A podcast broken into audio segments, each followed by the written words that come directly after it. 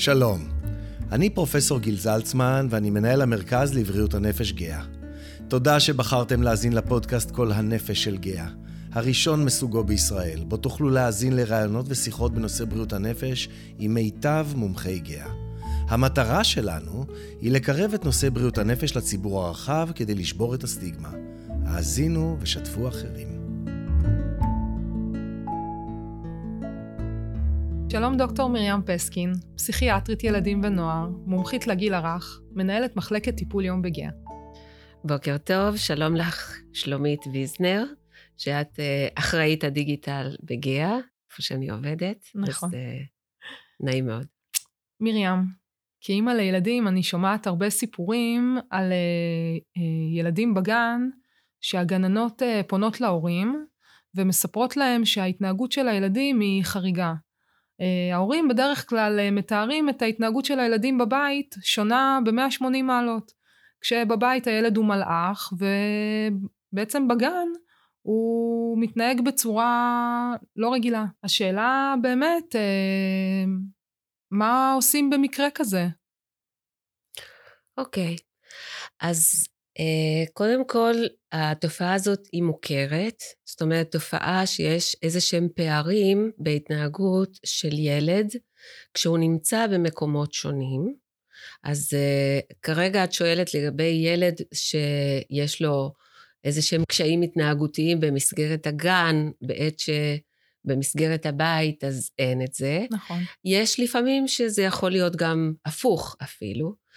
אמ, אז אה, זה בעצם מביא אותנו למחשבה לגבי ילדים צעירים על מה שנקרא הוויסות של ההתנהגות, שזה בדיוק הגיל, אנחנו מדברים על ילדים בגיל הגן, ילדים בגילאי 2, 3 עד 6, שיש להם הרבה מאוד יכולות, למשל יכולות מוטוריות, יכולות פעולה, אבל יש להם פחות יכולות לנהל את הדחפים שלהם, את התסכולים שלהם, את החרדות שלהם, ואז יוצא שלפעמים ילד שהוא נקלע לאיזשהו מצב של תסכול, אז לא יכול להתמודד עם זה בעצמו, בתוכו, ואז הדבר יוצא החוצה בלמשל איזושהי התנהגות מתפרצת.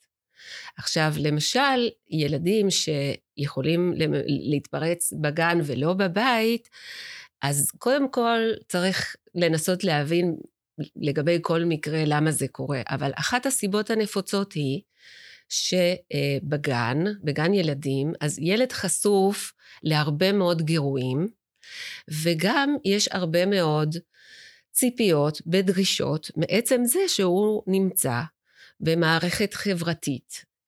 אז אה, יכול מאוד להיות, כן, שבבית המצב הוא שונה, שבבית למשל הילד מתנהל הרבה יותר על פי מה שהוא רוצה, מתי שהוא רוצה, איך שהוא רוצה, יש לו פחות הפרעות, יש לו פחות אה, תחרות, אה, הוא נכנס פחות לתסכולים, פחות לחרדות, ולכן זה מאוד uh, יכול להסביר את המצב הזה של פערים. באמת הרבה הורים אומרים שכל ההתנהגות הזאת היא בעצם uh, בגלל מה שקורה בגן, בגלל שהגננת לא מתמודדת, בגלל שאולי הילד לא מקבל את כל מה שהוא רוצה ובבית ההורים מפנקים, uh, בגלל שאולי משעמם לו. מה, מה את חושבת על זה? אז אני חושבת שכל התשובות הן נכונות. זאת אומרת, יכול להיות שיש איזשהו קושי ברמה של הצוות, כן, גם להתמודד. לפעמים גם שאין מספיק כלים להתמודד, אז אה, אה, יכול להיות אה, שזו סיבה. יכול להיות באמת שבתהליך הזה שנקרא תהליך של סוציאליזציה, זאת אומרת, התהליך הזה שעובר על כל ילד, כן, אה, מזה שהוא אינדיבידואל למצב שהוא חלק מחברה, שילד גם צריך להבין להבין שהוא לא האחד והיחיד והראשון והמנצח בכל מצב, אלא שיש אותו ויש את הילדים האחרים. אז יכול להיות גם שיש מצבים שהילד גם לא כל כך נענה לאיזשהם חוקים, ומה שצריך לעשות במקרים כאלה זה באמת לעבוד ביחד. זאת אומרת, ההורים צריכים לעבוד ביחד עם הגננת. זאת אומרת, לפעמים נוצר איזשהו מצב של, אה, נקרא לזה, האשמות, כן? כן? לשני הכיוונים. זאת אומרת, מצבים שההורים אומרים זה בגלל הגן, או זה בגלל הגננת, זה בגלל הסייעת, ויכול להיות, כן? שגם הצוות של הגן אומר, זה בגלל ההורים, זה בגלל שהם לא מחנכים את הילד למצב כזה שהוא צריך, למשל, לדעת גם לוותר, לדעת גם להפסיד, ומה שחשוב זה שהמבוגרים, המעורבים, צריכים להיות ביחד, לחשוב ביחד את הילד, לפעול גם ביחד לטובת הילד, שהוא יוכל להגיע לאיזושהי התנהגות גם שתהיה יותר אינטגרטיבית. אני ככה שומעת ואני שואלת את עצמי, האם צריך לטפל? אולי בכלל אפשר לחכות שהילד קצת יגדל וזה יעבור מעצמו? אוקיי, okay, אז תראי, יש מצבים מסוימים באמת שהם לא חייבים טיפול, בטח לא חייבים טיפול מקצועי, שאפשר להסתפק למשל בתיווך, זה מאוד חשוב העניין הזה של התיווך. תיווך של ההורים, של הצוות? גם תיווך של ההורים, גם תיווך של הצוות, אה, שהרבה פעמים בזה אפשר לפתור את העניין, אבל בשביל זה אנחנו צריכים לדעת מה חומרת המצב. כן? זאת אומרת, אם יש מצב אה, שהוא לא קורה לעיתים אה, תכופות, זה מאוד שונה, כן, אם הילד בהתפרצות בוכה, ובזה זה נגמר. לא, ש, לא שזה קל שילד בוכה, אבל זה מאוד שונה אם ילד למשל זורק כיסאות, זורק שולחנות, בורח מהגן, מבינה? כן. אז יש משהו שאנחנו מסתכלים אה, ברמת החומרה של המעשה, כי אה, מה שעלול לקרות זה שילד בהתפרצות, או עם איזה שהם קשיים התנהגותיים, יסכן את עצמו או יסכן את הסובבים אותו. וזה מה שאנחנו מאוד מאוד רוצים למנוע. כן. Um, השאלה היא, האם ההורים באמת הם אלה שיכולים להחליט עד כמה זה חמור, ואם הם באמת uh, מרגישים שכן, מה, מה הם צריכים לעשות? אז קודם כל, אני חושבת שיש אה, כן איזשהו שיקול דעת שההורים יכולים להפעיל, כי זה די ברור, או שאני מקווה שזה די ברור, שכשילד למשל זורק אה, חפצים גדולים בגן, אה, או בבית, או שובר דברים, אז יש... יש להגדיר את זה, כן, כאיזושהי התנהגות חריגה. זאת אומרת, אני אה, יכולה לתת לך דוגמה, למשל, שפתאום אני שומעת מהורים שהילד כבר שבר את שלט הטלוויזיה וואו. מספר פעמים. לא נורא, אנחנו קונים שלט חדש. זה בעייתי. נכון. אז אה, זה הכי קל, אולי, לקנות שלט חדש. אבל זה לא הפתרון. זה לא פותר את הבעיה. נכון, נכון מאוד. אז יש את, ה, יש את המצבים באמת שהם מאוד ברורים, ובמצב כזה, אז אני חושבת שצריך אה, באמת אה, לשמוע איזשהו קול מקצועי שייתן איזשהו סוג של ייעוץ לפחות, או שצריך לעשות לפעמים אבחון של המצב של הילד, כי זה יושב על משהו. זאת אומרת, זה לא קורה במצב רגיל. אז אנחנו, השאלה שלנו צריכה להיות, אז מה קורה בבסיס התנהגויות מסוימות שילדים מציגים? ואם באמת יש את המצבים שהם יותר קלים, אז אפשר באמת לעבוד יותר באיזושהי שיטה, כן, שבגדול קוראים לזה עיצוב התנהגות. אה, שכמובן שזו שיטה מקצועית, אבל אה, כל הורה עוסק בעיצוב ההתנהגות של הילד שלו, כל הזמן. אז ההורים גם אם במודעות או לא במודעות, עוסקים בעיצוב ההתנהגות של הילדים שלהם. אני אתן דוגמה פשוטה. אז uh, למשל, אם uh, הילד קם בבוקר ומתארגן, כן? אז ההורה יכול להגיד, איזה יופי שהתארגנת, כל הכבוד, ראיתי שהיום עשית את זה יותר מהר, מחזק. יותר טוב. נכון. העיצוב של ההתנהגות של הילד אה, צריך להיות בעיקר על ידי חיזוקים, על ידי זה שההורה יראה את מה שהילד עושה בכיוון הנכון ויחזק את זה. כי הרבה פעמים, את יודעת, כשמגיעים, מה שנקרא, לכבות את השריפות, כן. כן? אז ישר חושבים על סנקציות, על עונשים, שלא זאת הדרך. אנחנו רוצים לפעול הרבה קודם.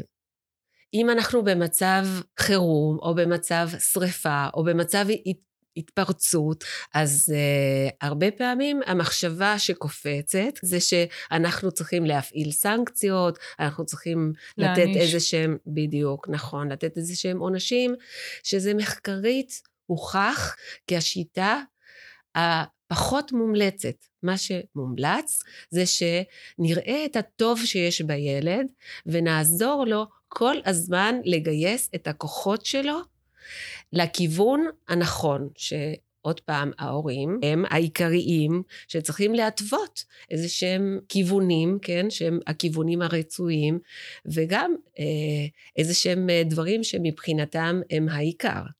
דוקטור פסקין, אה, הורים שניסו בעצמם לעצב את ההתנהגות של הילדים שלהם, ולתת להם באמת את החיזוקים החיוביים האלה. ומרגישים שהמצב לא משתפר כמו שהם מצפים, או כמו שהגננת מצפה. מה לדעתך כדאי לעשות? אוקיי, okay, אז אם זה בעניין של אה, ייעוץ, אז uh, בכל גן ילדים למשל, יש פסיכולוגית שעובדת עם הצוות, יש את הפיקוח גם, שיש להם כלים, מערכת נוספת זה מערכת של התפתחות הילד, כי הרבה ילדים עם קשיים התנהגותיים הם ילדים עם קושי התפתחותי. למשל, ילדים שקשה להם לדבר, שהם אה, אה, לא כל כך מובנים כשהם מדברים, כן? כן? אז הרבה פעמים נוטים יותר להתנהגויות, כן? שהן אה, חריגות, בגלל שהם גם יותר מתוסכלים, למשל. אז הרבה ילדים אפשר לפנות, אה, אם יש את הקשיים האלה הנוספים, למסגרת של התפתחות הילד. יש ייעוצים במסגרת של עיריות. הייעוץ יכול להינתן ברשות המקומית. יש גם uh, המערך של קופות החולים. כן. כל, כל, כל ילד הוא uh, uh, שייך לאיזושהי קופת חולים, שגם שם אפשר למצוא את המענה. מי עושה את האבחון? אז יש פסיכולוגים שהם עובדים עם הגיל הרך, יש גם עובדים סוציאליים שעובדים עם הגיל הרך, יש כמובן גם פסיכיאטרים שעובדים באותם הגילאים. אה, ולפעמים אה, יש איזשהו תהליך שמתחיל במישהו מהם, ובמידת הצורך עובר לשלב הבא. כשמדברים על מבוגרים, אז די ברור איך עושים אבחון. מה קורה באבחון אצל אה, באמת ילדים קטנים? כן, האמת שכן, שאלה שאני, הרבה אני שומעת אותה, כי זה נשמע ככה קצת מחריד, כן, כן שילד יגיע לפסיכיאטר לבדיקה. אה, אז אה, תראי, מה שאני עושה עם הילדים זה מאוד פשוט. אני מדברת איתם, אני משחקת איתם, מזמינה אותם לעשות איזה שהן פעילויות, למשל כמו לצייר, כמו לצבוע, כמו לגזור, ותוך כדי שהם מתנהלים, כן, אה, במשימות האלה, אז אני עושה את העבודה שלי. אז בסוף המפגשים מה שבדרך כלל קורה זה שהילדים יכולים להגיד, סתם שיחקנו. ואם זה מה שהילד יגיד, אני אדע שעשיתי את עבודתי נאמנה. כי מבחינתו הוא שיחק, כן? ומבחינתי, אז uh, יכולתי לראות אצל הילד את מה שאני צריכה לדעת. אז uh, אני צריכה לדעת באמת uh, הרבה מאוד דברים כדי להגיע לאיזושהי הבחנה. באמת נשמע שהמפגשים האלה הם אה, מפגשים של כיף, אבל אה, מה, מה זה נותן?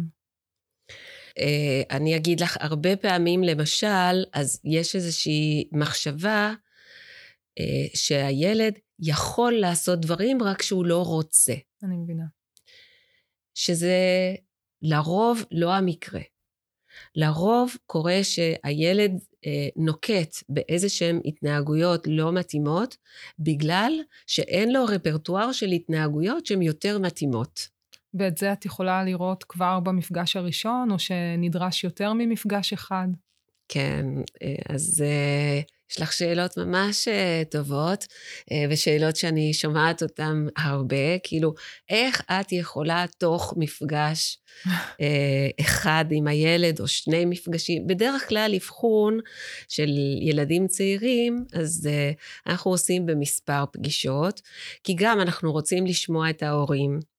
ולא תמיד מתאים לשמוע את ההורים בנוכחות הילד, כן? כן? הרבה פעמים דווקא ממש לא. אנחנו גם רוצים עוד אינפורמציה הרבה פעמים, כן? של אנשים נוספים שמכירים, שמכירים. את הילד, נכון. אז לרוב זה מסתכם בין אה, שניים לארבעה מפגשים. אבל אה, האמת היא ש... איך מגיעים למצב שעושים את זה יחסית מהר? כי זה מיומנות, כן? כן? זה כמו שלהבדיל אלף הבדלות, אבל נגיד מנתח, אז uh, הוא יודע אם הוא צריך לנתח uh, uh, בטן, כן? כן? רק מזה שהוא שם יד על הבטן, אוקיי? אז כי זה המיומנות שלו. אז uh, לזמן הקצר של הבדיקה צריך להוסיף את כל השנים שעושים הכשרה כדי להגיע למקום הזה. כן. Um, אז עברנו... זה אפשרי. כן. אם זה לא יהיה אפשרי, אם אני מוצאת, כן, שאין לי מספיק נתונים, אז אני אגיד. אני אגיד, תראו, אה, הייתה פה אה, איזושהי סיטואציה מסוימת, כן? שבינתיים אני יודעת אה, מספר דברים, וכדי להשלים את התמונה, אני צריכה לראות את הילד שוב, אני רוצה אולי לראות את הילד באיזושהי אה, קונסטלציה מסוימת. סביבה טבעית. אולי, אולי בסביבה טבעית, אולי שנגיד אם יש איזשהן בעיות חברתיות, אז אה, אני אה, אוכל להמליץ שתהיה איזושהי תצפית בגן למשל, זה כן. גם כלי שאפשר, או איזושהי תצפית בבית. הרבה פעמים אני גם מבקשת מההורים להסריט דברים שקורים, שאין סיכוי כל כך גדול שאני אראה אותם כשהם כן. מביאים את הילד אליי לבדיקה. ואחרי שעשינו את האבחון, איך, איך מטפלים? אז קודם כל, יהיה תלוי במה הבחנו. אוקיי? כי אנחנו מדברים על מצב שהוא מאוד שונה, מאוד הטרוגני. יכול להיות שלילד מסוים יש רמת אה, אימפולסיביות מאוד גדולה, שהוא מאוד מתקשה ככה לבלום, לרסן את עצמו. יכול להיות שלילד יש חרדות. יכול להיות שקרה משהו, וזה הדרך של הילד לנסות לאותת. שפה קורה משהו, יכול להיות שקרה משהו בבית, יכול להיות משהו שקרה משהו במשפחה, בגן עם ילד אחר, הרבה מאוד סיבות. כן. זה גם אנחנו צריכים לדעת שבודקים. אה, כן. מרים, לא דיברנו על הרגשות של הילדים.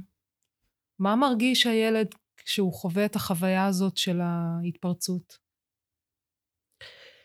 אז קודם כל, המצב הזה שטרום ההתפרצות הוא מצב שקשה מאוד לילד לשאת אותו, כי יש הרבה מאוד מתח. הילד בעצם, כשהוא מתפרץ החוצה, אז הוא מוציא את המתח שיש לו בפנים, ומהניסיון שלי אני יכולה להגיד לך שמאוד קשה אחר כך להרבה ילדים להתמודד עם הזיכרונות של ההתנהגות שלהם, וגם עם ההשלכות של ההתנהגות שלהם, הם מרגישים שהם ילדים רעים, אוי. או שלפעמים גם אומרים להם שהם ילדים רעים, והם באמת אה, צריכים עזרה גם בחלק הזה. הרבה פעמים הילדים שאני כבר אה, רואה אצלי, אז הם ילדים שבאמת צריך לעשות איזשהו שיקום של הדימוי העצמי, כדי שהילד יבין שיש משהו טוב בו, ויש הרבה טוב בו, ושאפשר לעזור לו, כדי שלמשל, כשהוא מרגיש מאוד מתוח, כשהוא מרגיש מאוד עצבני, כשהוא מרגיש מאוד כועס, אז uh, הוא לא יתפרץ, הוא לא יגרום לאיזשהו נזק, הוא לא יצטרך אחר כך להתמודד עם מצבים שכועסים עליו, או שמאוכזבים ממנו, או שהוא בעצמו מאוכזב. כן. למרות כל השיח שיש אה, בנושא בריאות הנפש, במיוחד בתקופה האחרונה, יש הרבה הורים שמפחדים מהסטיגמה. כשהם שומרים אה, על פסיכיאטרים ואבחונים, זה קצת מרתיע אותם. מה קורה אם לא מגיעים לטיפול? מה קורה אם לא מאבחנים? אז הרבה פעמים כשלא מאבחנים, אז המצב יכול להתגלגל מאוד לא טוב. אז קורה ביום-יום שילדים שקשה לנהל אותם, כשהם קטנים, אז ההתנהלות היא מאוד פיזית. נגיד, ילד למשל לא רוצה להיכנס לאמבטיה, כן? והוא בן ארבע, אז מה עושים? אז מכניסים אותו לאמבטיה.